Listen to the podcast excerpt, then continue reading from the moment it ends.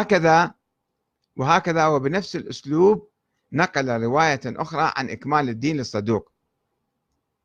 عن شهادة حكيمة لمولد الإمام المهدي فقال عن حكيمة عليه السلام أنها قالت كانت لي جارية يقال لها نرجس هاي غير وحدة صارت ما افتهمنا من نرجس ولا من حكيمة من مليكة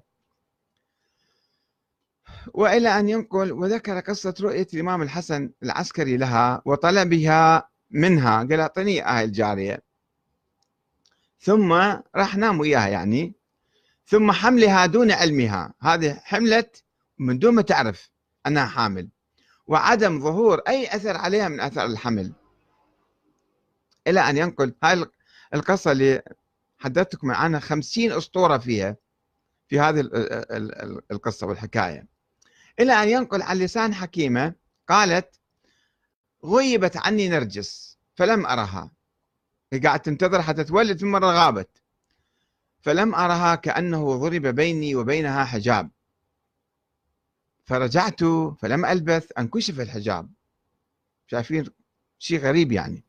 الذي كان بيني وبينها وإذا أنا بها وعليها من أثر النور ما غشي بصري. وإذا أنا بالصبي ساجدا على وجهه جاثيا على ركبتيه رافعا سبابته نحو السماء وهو يقول أشهد أن لا إله إلا الله وحده لا شريك له وأن جدي محمد رسول الله وأن أبي أمير المؤمنين.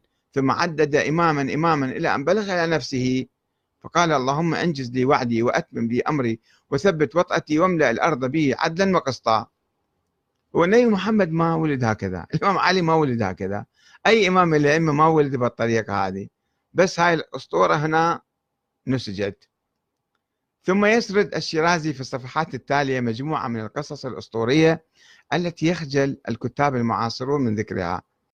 مثلا سيد محمد الصدر ولا آخرون اللي كتبوا حول الإمام مهدي هاي القصة أصلا ما يشيرون إليها لأن يستحون من عدم لما فيها من أساطير عجيبة وغريبة مثل ولادته من فخذ أمه الأيمن طلع من نص الفخذ مالته مالتها وليس من رحمها. وسطوع نور هائل عند ولادته وبلوغه أفق السماء وتحليق طيور بيضاء ومسح أجنحتها على رأسه وتسليمه على أبيه هو قام سلم على أبوه. وأخذه من قبل أحد الطيور إلى جو السماء شالوه طاروا به. وعودته بعد أربعين يوما وهو صبي يمشي ابن سنتين. بعد أربعين يوم صار صبي يمشي. ونموه خلال أيام قصيرة بهيئة رجل كبير. بسرعة صار رجال كبير. وربما كان كتاب الشيرازي هذا. ملخصا سيئا ومشوها لكتب الصدوق والمفيد والطوسي عن الإمام المهدي وأضعف منها بكثير لأنه حذف ما يوجد فيها من أسانيد ضعيفة ولم يعلق عليها بشيء ولم يذكر الدليل الفلسفي الاعتباري أو العقلي الذي أوردوه في مجال الاستدلال على الموضوع. والذي قالوا إنه أقوى الأدلة المتوفرة. هم قالوا مشايخ الطائفة قالوا هاي القصص والأشياء المضحكة إحنا ما نعتمد عليها. نعتمد على الدليل العقلي. هذا الدليل العقلي الشيرازي أصلا ما أشار إليه.